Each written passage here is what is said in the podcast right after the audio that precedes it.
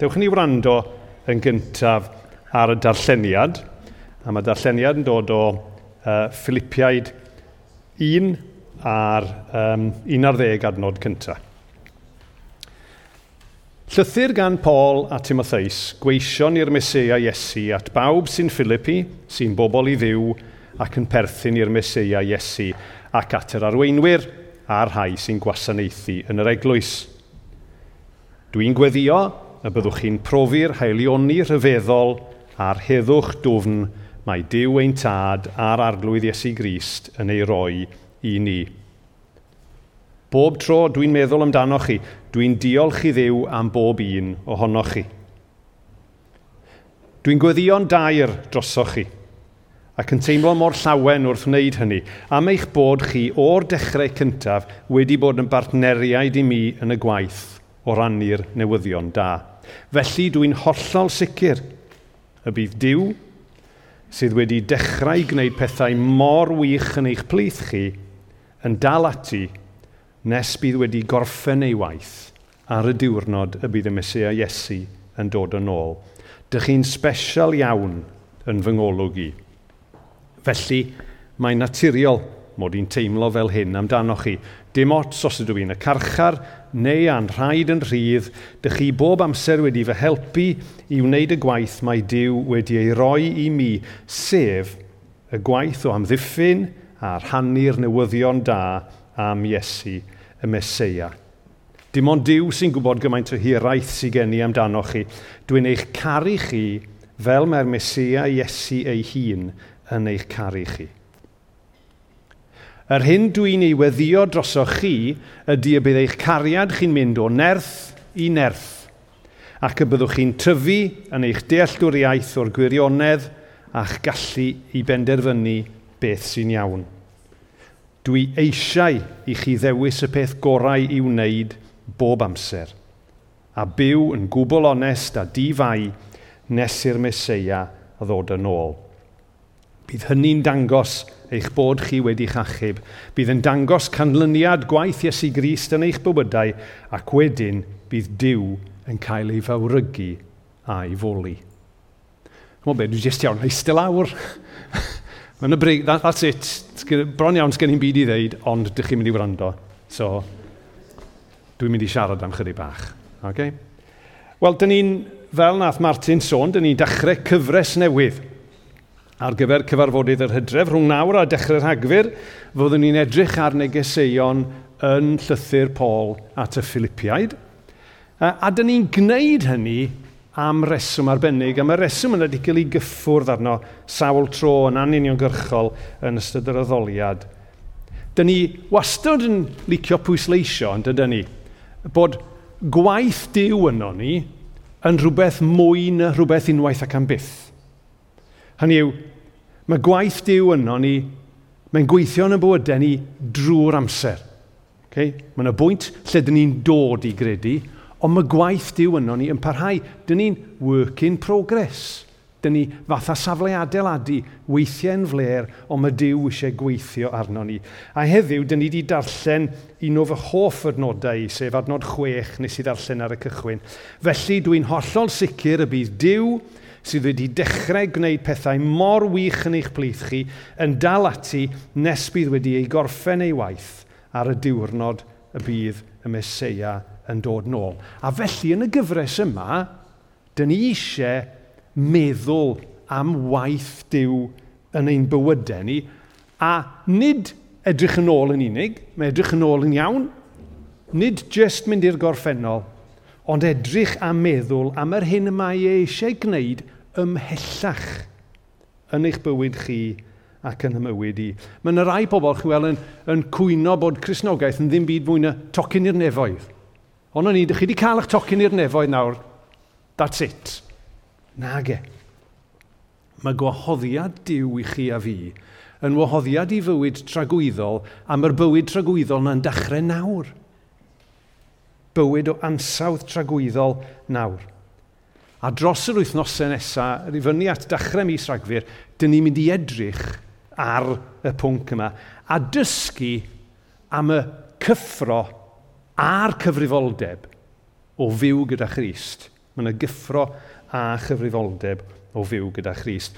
Oedd y rhai o'n chi oedd yma diwedd mis awst pan o'n i'n pregethu yn gwybod mod i wedi pregethu ar y darlun na o'r hedyn mwstard. Chi'n gwybod? Yr hedyn mwstard, yr hedyn lleia yna, oedd wedyn yn tyfu yn goeden anferth. Am, ond y gwbl o bwyntiau yma, un ohonyn nhw oedd neges o gysur. Chyma, weithiau dyn ni'n teimlo bod ni'n fach, bod ni'n ddim, bod ni'n ddim byd mwy na hedyn mwstard. Ond mae'r hedyn mwstard yn tyfu. A'r ail bwynt pwysig oedd, dyw'r hedyn mwstad ddim yn aros yn hedyn. Mae'r hedyn mwstad yn tyfu yn goeden. So mae gwaith Dyw yno ni ynglyn â tyfu a datblygu a dyfnhau yn ein perthynas. A dyna beth dyn ni'n mynd i edrych yna fe. Dyn ni eisiau edrych yn y gyfres yma a gobeithio bod ni'n gallu ymrwymo gyda'n gilydd i weld y tyfiant yna a'r datblygiad yna yng ngwaith Dyw yn ein calonau ni. A felly, dyn ni ddim jyst yma yn deud geiriau, dyn ni ddim jyst yma yn gwrando, ond gobeithio bod ni'n mynd i ymateb wrth feddwl am y ffaith fod Dyw am barhau i wneud gwaith yn ein bywydau ni. Mae yna rhai pethau am ein perthynas ni efo Dyw sydd ddim yn newid. Bennaf, ei ffyrlondeb e, ei ras e, ei gariad e, ei drigaredd e, ei gyfiawnder e ac yn y blaen. Dydy'r pethau yna ddim yn newid. Ond tydy'n perthynas ni ar arglwydd ddim i fod yn static. Mae'n fyw, mae'n newid, mae'n gwella. So i ddechrau cychwyn, fel yn gweud, hwn di'r neges cynta yn y gyfres, a mae rhaid ni ddeall y cyd-destun, achos mae'r mae deall y cyd-destun y gafodd ei sgwennu ddefen wreiddiol yn helpu ni. A mae'r llythyr i gyd ynglyn â bywyd a gwaith Crist a bywyd a gwaith Crist wedyn yno ni. Ac mae wedi sgwennu yn benodol at yr eglwys yma yn, yn Philippi.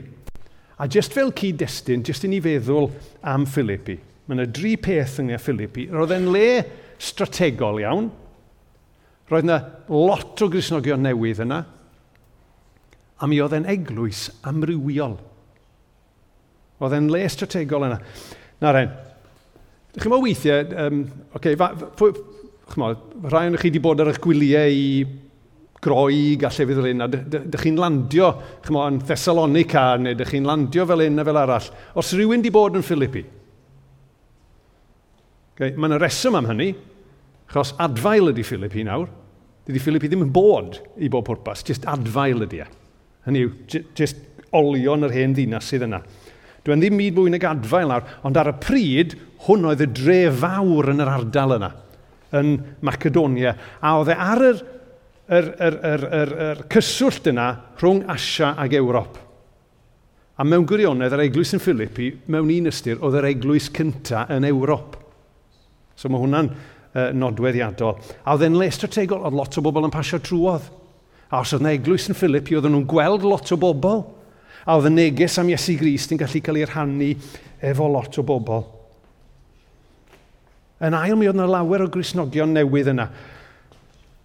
Os ydych chi eisiau gwybod y cyd-destun, darllenwch llyfr yr actau penod 16 o adnodau 11 ymlaen i tua 40, a dyn ni'n cael hanesion fyna ynglyn â pobl yn dod i glywed am Iesu Grist ac yn dod i gredu am Iesu Grist ac yn agor eu calonnau iddyn nhw, iddo fe.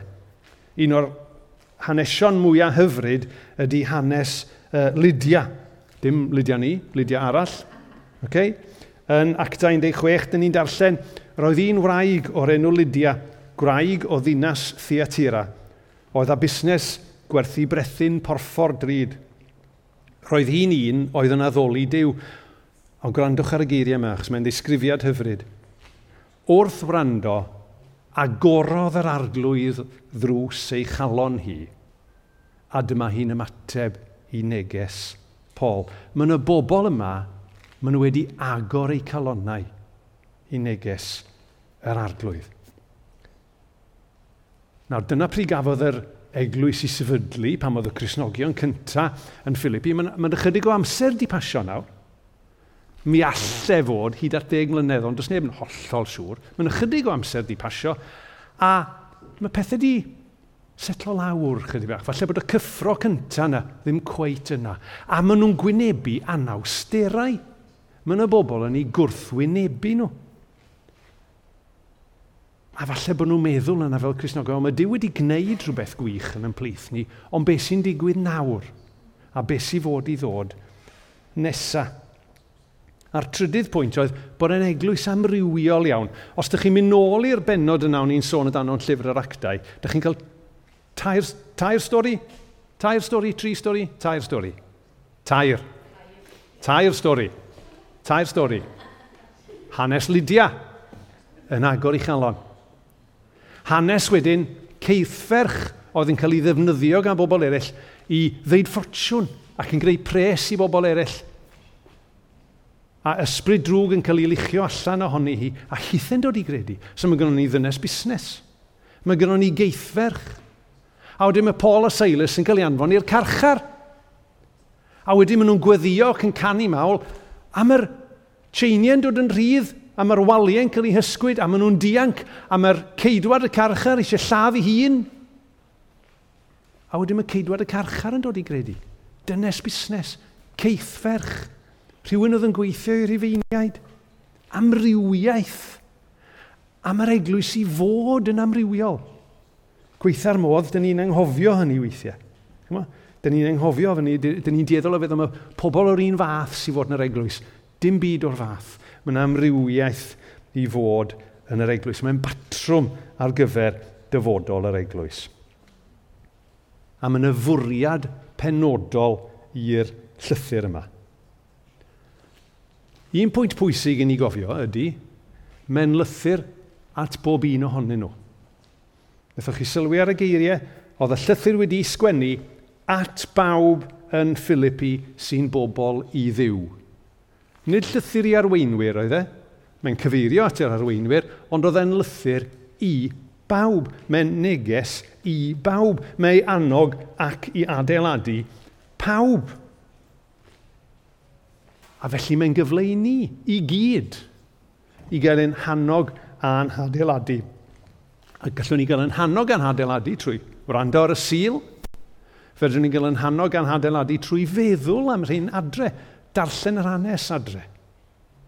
Beth am i ddarllen e dros yr wythnosau nesaf? A os dyn ni mewn grŵp cymuned, cyfle i drafod hynny. Os ydych chi ddim a, a diddordeb, a, a bod gynnwch chi diddordeb, ymunwch efo grŵp cymuned jyst ar gyfer y gyfres yma i weld. A gwych chi weld sut mae'r hynna'n gweithio. Chi'n cael blas ar hynny. Ond i droi at y pwyntiau sydd gen i, mae gen i Uh, bedwar pwynt, sori, dwi'n wedi gallu cyfyngu fe i dri, mae gen i bedwar pwynt uh, y bore yma. A dyn ni'n mynd i weld sawl peth yma. Yn gynta, dyn ni'n gweld diolchgarwch am a hyder yng ngwaith diw. Diolchgarwch am a hyder yng ngwaith diw. Yn ail, dyn ni'n gweld ffocws ar rannu'r newyddion da. Yn drydydd, dyn ni'n gweld parhad gwaith diw y mywyd pob Cristion ac yn bydwerydd, dyn ni'n mynd i edrych ar natur twf y mywyd y Cristion. So'r pwynt gyntaf, diolchgarwch, diolchgarwch am a hyder yng ngwaith diw. Tydi neges o anogaeth Paul, dwi'n dod o'n unlle, dwi'n mynd rhyw fflach o ysbrydoliaeth, mae e yn edrych yn ôl. Mae'n dweud, bob tro dwi'n meddwl amdano chi, dwi'n diolch i ddiw am bob un ohonoch chi, Ac mae'n sôn am ddiw sydd wedi dechrau gwneud pethau mor wych yn eich plith. So mae'n cyfeirio nhw'n ôl i'r gorffennol iddyn nhw gael ei atgoffa am yr hyn mae Dyw wedi gwneud yn ei bywydau nhw. Achos mae Dyw sydd wedi gwneud pethau arbennig. A chymo, nes i sôn am y straeon yna, do. Lydia, y geithferch, ceidwad y carchar, pethau gwych di digwydd yn ei bywyd nhw. Dangos bod Dyw ar waith. Ond dwi e ddim yn stopio nag di. Dwi'n hollol sicr y bydd Dyw sydd wedi dechrau gwneud pethau mor wych yn eich plith chi yn dal ati nes bydd wedi gorffen ei waith ar y diwrnod y bydd y Mesoea Iesu yn dod yn ôl. A mae hwnna'n newyddion gwych. A dwi jyst eisiau ni oedi weithiau, achos weithiau dyn ni'n medru... Ie, yeah, mae hwnna'n newyddion da, Ond mae rhaid ni gofio bod y newyddion da i ni. Dyw hwn ddim jyst yn rhywbeth i'r bobl yn Filippi, mae newyddion da i ni. Mae'r ffaith yn bod ni yma bore yma yn deud wrtho fi bod Dyw wedi dechrau gwaith yn ein plith ni. A'n eistedd yn yn eich set nawr, fedrwch chi feddwl am y ffordd mae Dyw wedi cyffwrdd eich bywyd chi hyd yma. Fyddech chi ddim yma tasau fe ddim. Meddylwch am y cyfan mae Dyw wedi gwneud yn ein bywydau ni i ddod â ni i heddiw. Meddyliwch am hynny. A mi fedrwn ni fod yn hyderus, meddai Paul, beth bynnag di'n hoedra ni, i fod e yn dymuno gwneud mwy. Mae Dyw wedi cyffwrdd yn ein bywydau ni, ond mae Dyw yn dymuno gwneud Mwy mae gynddo fe waith i'w orffen yn ein bywydau ni. Oedd e'n hyfryd wythnos yma, ydych chi'n cofio wythnos dwytha, wnaethon ni orffen anfon y llyfr o gyfarchion na i Dennis ac Arfonia, a diolch i Leria Geilian a Sian am fynd ar llyfr uh, lawr i Aberystwyth. A uh, Dennis ac Arfonia'n cofio ato ni, oedd Leri yn, yn, yn, yn sôn. A pam rannwyd un o'r lluniau ar Facebook yn y lun o Eilian a Dennis, a yr, yr is-deitl oedd athro a'r prentis. Ynddo? Ond wedyn welys i comment. Nath dewis, nath Dennis ddeud, na, dau brentis. Dau brentis. Mae'n gant oed mis chwefror. A mae Dyw ar waith yn ei fywyd e, ac mae'n dysgu pethau. Dydy Dyw ddim yn stopio. Mae'n dal i weithio yn ein bywydau ni. So, dyna y pwynt cyntaf. Bod yn ddiolchgar am yr hyn mae Dyw wedi gwneud yn y bywyd ni, ond bod yn hyderus i fod e a mwy eto mae e eisiau wneud. Yr ail bwynt oedd bod y ffocws ar rannu'r newyddion da.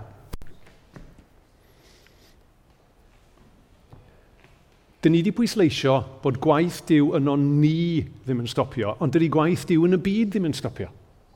Mae eisiau wneud mwy yn ein cymuned ni. Mae eisiau wneud mwy yn ein tref ni. Mae eisiau wneud mwy yn lle dyn ni'n gweithio. Mae eisiau wneud mwy lle dyn ni'n cymdeithasu. Mae eisiau estyn allan a galw ato fe. A ni'n sylwi ar un o'r gweddiau gafodd ei mynegu yn ystod y cyfnod agored yna. Oedd englyn â tynnu pobl i fewn bod Dyw yn estyn allan ac yn gwahodd fwy o bobl i ddod i wybod am ei gariad e, a'i ras e, a'i ddaioni fe. Ac wythnos dwytha i'r rhai o'n oedd yma, o John Robinson yn sôn am bwysigrwydd hyn drwy'n cyfeirio ni at y comisiwn mawr. A mae Paul yn sôn am y llyth, yn y llythyr yma am, a dyma'r geiriau, y gwaith mae Dyw wedi ei roi i mi, sef y gwaith o amddiffyn a rhannu'r newyddion da am Iesu y Mesoea. Y gwaith o amddiffyn a rhannu'r newyddion da am Iesu y Mesoea. Ond i'n deud mae prif ffocws y llythyr yma ydy bywyd ac enhadaeth Iesu. A mae e'n yn gwachodd ni fel i blante i fod ar rhan yn hynny wrth sgwennu'r nodiadau ar gyfer y neges yma, o'n i'n gofyn cwestiwn i fi'n hun. Faint o ffocws sydd gen i ar rannu'r newyddion da yna efo pobl eraill? A mae'n gwestiwn i ni gyd ofyn i'n hunain. Faint o ffocws sydd gynnon ni am rannu'r newyddion da am Iesu. Un dywediad cyfarwydd iawn am yr eglwys ydy dywediad gan ddyn o'r enw William Temple oedd yn archesgob rhywle un o'i ddywediadau fe oedd hyn, the church is the only society that exists for the benefit of those who are not its members. Dwi'n ffocws ni ddim i fod jyst yn fewnol, chi'n gael. Mae'n ffocws ni fod yn allanol. Nawr, wrth gwrs, mae hwnna'n golygu lot o bethau. Mae hwnna'n golygu, er enghraifft, chi'n gofio pan eithon ni edrych trwy Jeremia, mae'n golygu ceisio heddwch y ddinas. Chi'n gofio pobl, pobl ddiw yn Babylon. A'r neges yn dod, gweithiwch dros heddwch a llwyddiant y ddinas lle dwi wedi mynd â chi'n gaeth. Gweddiwch ar yr arglwydd drosti ei llwyddiant hi, fydd eich llwyddiant chi, a dyn ni fod i wneud hynny. Dyn ni fod i weithio dros heddwch a lles y lle dyn ni'n byw, ond mae hefyd yn golygu rhannu'r newyddion da am Iesu. Ac mae gynnon ni newyddion da. Bod yna ystyr a phwrpas ar gael yn Iesu, bod yna un gwell na i'r Philippiaid bod nhw'n un gwell na'r ymerawdwr, mae yna frenin gwell ar gael ar ei chyfer nhw. Ac mae'n bwysig y mwyn i fodlon rhannu am hynny. Ond weithiau, dyn ni chydig bach yn nyrfys, achos dyn ni ddim eisiau ymddangos yn pwysi. Dyn ni'n teimlo'n swil bod ni'n gwthio rhywbeth. Ond mae yna batrwm yn y Beibl, dwi'n meddwl. Dyn ni'n ei weld, e. dyn ni'n gyfarwydd iawn ar adnod yn 1.4, uh, penod 3, adnod 15, sy'n atgoffa ni o'n cyfrifoldeb. A be mae'n deud yn fyna ydy, byddwch bob amser yn barod, neu byddwch barod bob amser, y rhoi ateb i bwy bynnag sy'n gofyn i chi esbonio beth ydy'r gobaith sydd gynnwch chi. Na'r syl... Dwi wedi gwneud yn o blaen, na mi ddweud eto. Sylwch ar y geiriau yna. Peth cyntaf sy'n digwydd yw, mae'r Cresnogion yn byw mewn ffordd sydd yn neud i bobl sylwi bod yna obaith gynnyn nhw. A wedyn, oherwydd hynny, mae pobl yn holi. Be sy'n wahanol am rhain? Be sydd gan rhain? A wedyn, maen nhw'n rhoi rheswm am y gobaith yna. Dyna di'r patrwm.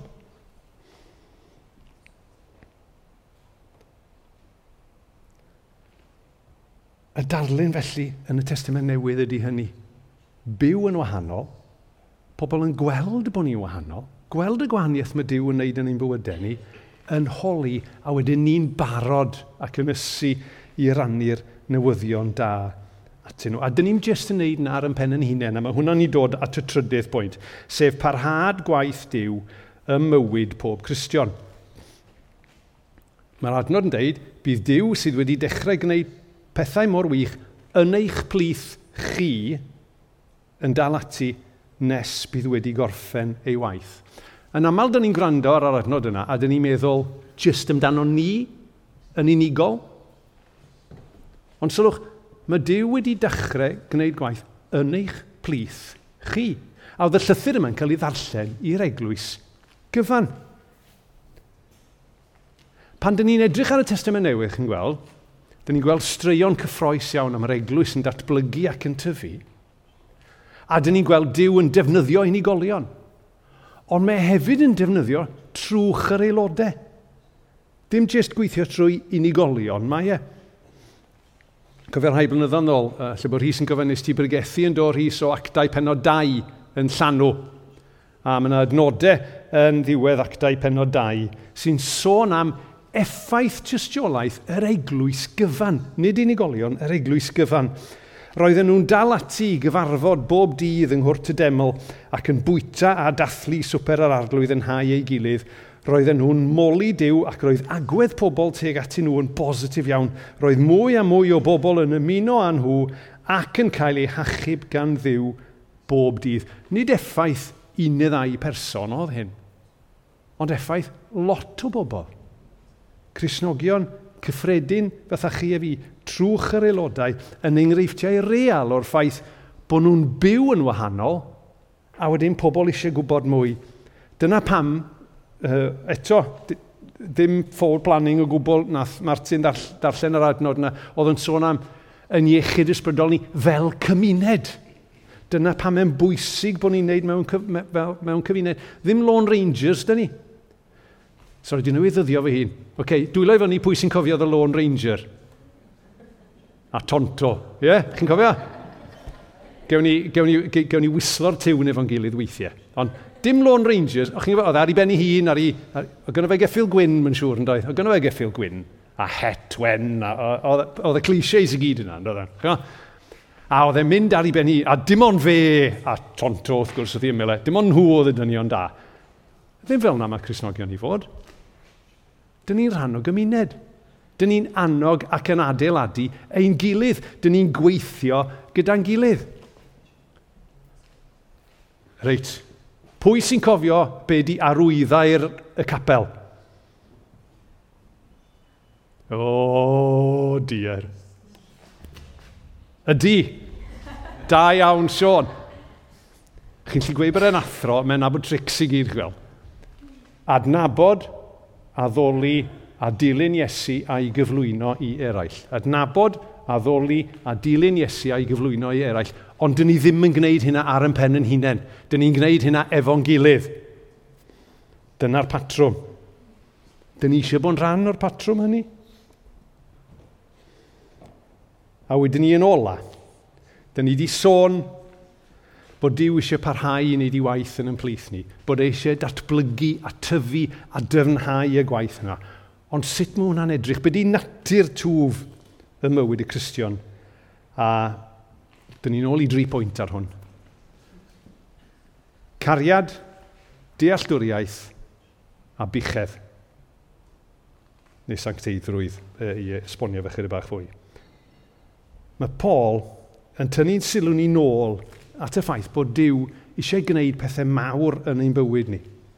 Mae am i ni dyfu, mae'r hedyn yn troi yn goeden. Dwi'n mynd aros yn hedyn. Mae'r babi sy'n mond yn cymryd llefrith yn tyfu i gael bwyd solet. Dyd i gwir yn y llythyr at y Corinthiad, oedd Paul yn sôn am Grisnogion, oedd e ddim yn tyfu. Ac mae'n deud, roedd rhaid i mi eich bwydo chi a llaeth, am eich bod chi ddim yn barod i gymryd bwyd solid. Mae eisiau nhw dyfu, mae eisiau nhw i. Tydi aros yn llonydd ddim i fod ar agenda pobl fyw. Mi soni ys i pethefnos nôl am, am waith dwi wedi bod yn gwneud yn cyfeithi pethau sy'n gysylltiedig â llyfr Rick Warren, Bywyd a Phwrpas. Ac un o'r pethau mae Rick Warren yn deud ar y wefan ar gyfer uh, llyfr ydy, nid bod yn llonydd yw bwriad bywyd. Dylai pobl yr eglwys fod yn symud trwy'r amser yn dysgu a thyfu fel pobl a dilynwyr Iesu. Ar y teitl y bregeth ar gyfer bore mae'n deud hynny, mae Dyw am i ni dyfu, dyfnhau a datblygu yn ein ffydd. Ond be mae hwnna'n edrych fel? Be mae'n golygu os dyn ni'n tyfu, datblygu a dyfnhau yn ffydd? Wel, mae adnodau 9, 1 ar 10 yn deud ni Achos mae Paul yn gweddio, chi'n gweld? Mae'n gweddio am weld y tyfiant yna. A be mae'n gweddio amdano? Mae'n gweddio am gariad, dealltwriaeth a buchedd gwahanol. I gyd yn gynlyniad gwaith Iesu. Cariad, yr hyn dwi'n weddio drosoch chi yw y bydd eich cariad chi yn mynd o nerth i nerth. Os dyn ni'n tyfu a dyn ni'n caru llai, dyn ni'n mynd tyfu go iawn. Yr hyn dwi'n weddio drosoch chi yw y bydd eich cariad chi yn mynd o nerth i nerth. Beth yw'r nodwedd bwysica fel y sefyll allan amdano ni fel unigolion ac fel eglwys cariad?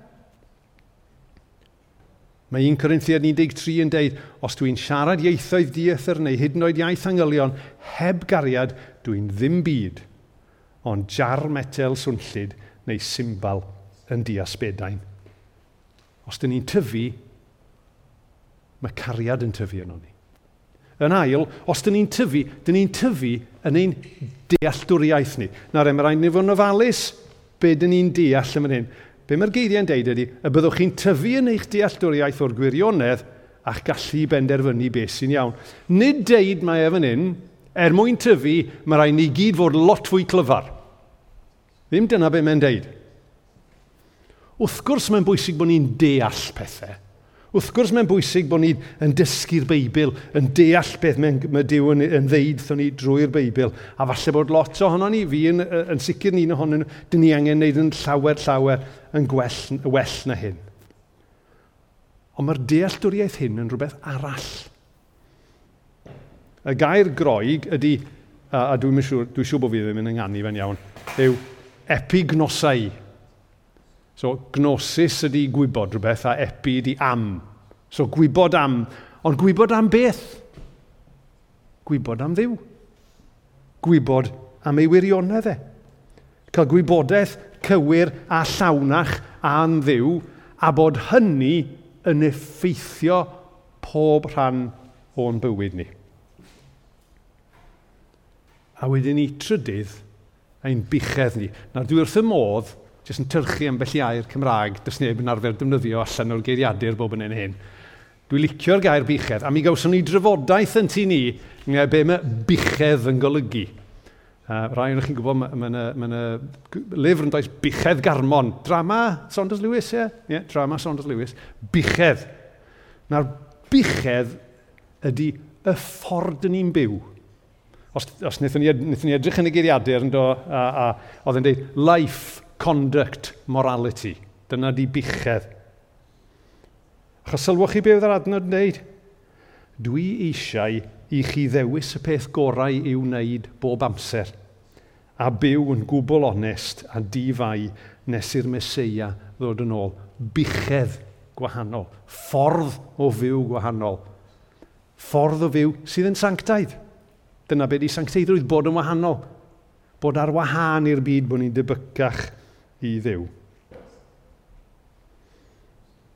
Mae Dyw yn yn galw ni i dyfu, dyfnhau a datblygu yn ein cariad, yn dealltwriaeth a'n bichedd ni. Ac yn y gyfres yma, dros yr wythnosau a'r gwbl o fusau nesaf, dyn ni'n mynd i ddysgu ynglyn â'r cyffro o gael gwneud hynny, ond hefyd am y cyfrifoldeb o wneud hynny. Ydyn ni eisiau tyfu a defnhau a datblygu yn hynny fel unigolion. Ydyn ni eisiau tyfu, datblygu a dyfnhau fel eglwys. Fydd yna lawer o negeseuon dros yr wythnosau nesaf am y cyffro a'r cyfrifoldeb o wneud hynny. Ydy hynny'n gyffroes? Ydy. Ydy hynny'n heriol? O ydy. Ydy hynny tu hwnt i beth ni'n medru gwneud? Wel, ar yn pen i'n hunain, ydy. Ydy y tu hwnt i be mae Dyw, a dwi'n meddwl nes i glywed y geiriau ar weddi, Mari, y be mae Dyw yn medru gwneud yno ni a thrw am ni. Dwi e ddim yn fwy na mae Dyw yn medru gwneud yno ni a thrw am ni. Dewch yn i fynd i ddigo iawn yn y gyfres yma, a ddim jyst yn y gyfres yma ond yn y cartrefi, yn y grwpiau cymuned wrth i ni ddarllen. Dewch i ni feddwl am sut ni'n gwahodd Dyw i dyfu, dyfnhau a datblygu ei waith yn ein bywydau ni. Achos mae hynny'n wirioneddol gyffroes. Dwi'n gwybod os wnaethoch chi sylwi, ond ar ôl sôn am cariad dealltwriaeth, um, a be oedd y trydydd pwynt, dwi'n gofio fyna. Uh, uh, uh, bichedd, sori, ie, yeah, gair newydd, ie, yeah, sori. Yn dyna pam o'n i'n cofio fe. Ar ôl, ni, ar ôl yr adnod oedd yn sôn am cariad dealltwriaeth a buchedd, be oedd yr adnod ola? A gwrandwch ar hwn. Bydd yn dangos canlyniad gwaith Iesu Grist yn eich bywydau. A wedyn bydd Dyw yn cael ei fawrygu a'i foli. So os dyn ni'n caniatau, ac yn gwahodd Dyw i weithio neu'n bywydau ni fel bod ni'n medru tyfu, bydd yn dangos canlyniad gwaith Iesu Grist yn eich bywydau. A wedyn, bydd Dyw, nid ni, bydd Dyw yn cael ei fawrygu a'i foli. Dewch yn ei weddio. O arglwydd dad, ni'n diolch i ti am y cyfan rwy ti'n deud wrthon ni, y cyfan rwy ti'n cynnig i ni Ac arglwydd, ni'n diolch i ti am y gwahoddiad yma bore yma trwy'r air di i ni dyfu a datblygu a dyfnhau yn ein perthynas gyda ti trwy ti weithio yno ni. O arglwydd dad, ro ras i ni wrando, ro ras i ni glywed yr hyn fydd gen ti ddeud wrthon ni dros yr wythnosau nesaf. ro ras a nerth, dy ras a dy nerth di i ni, i ni ymateb fel bod y cyfan yn dyfawrygu a dyfoli di. Amen.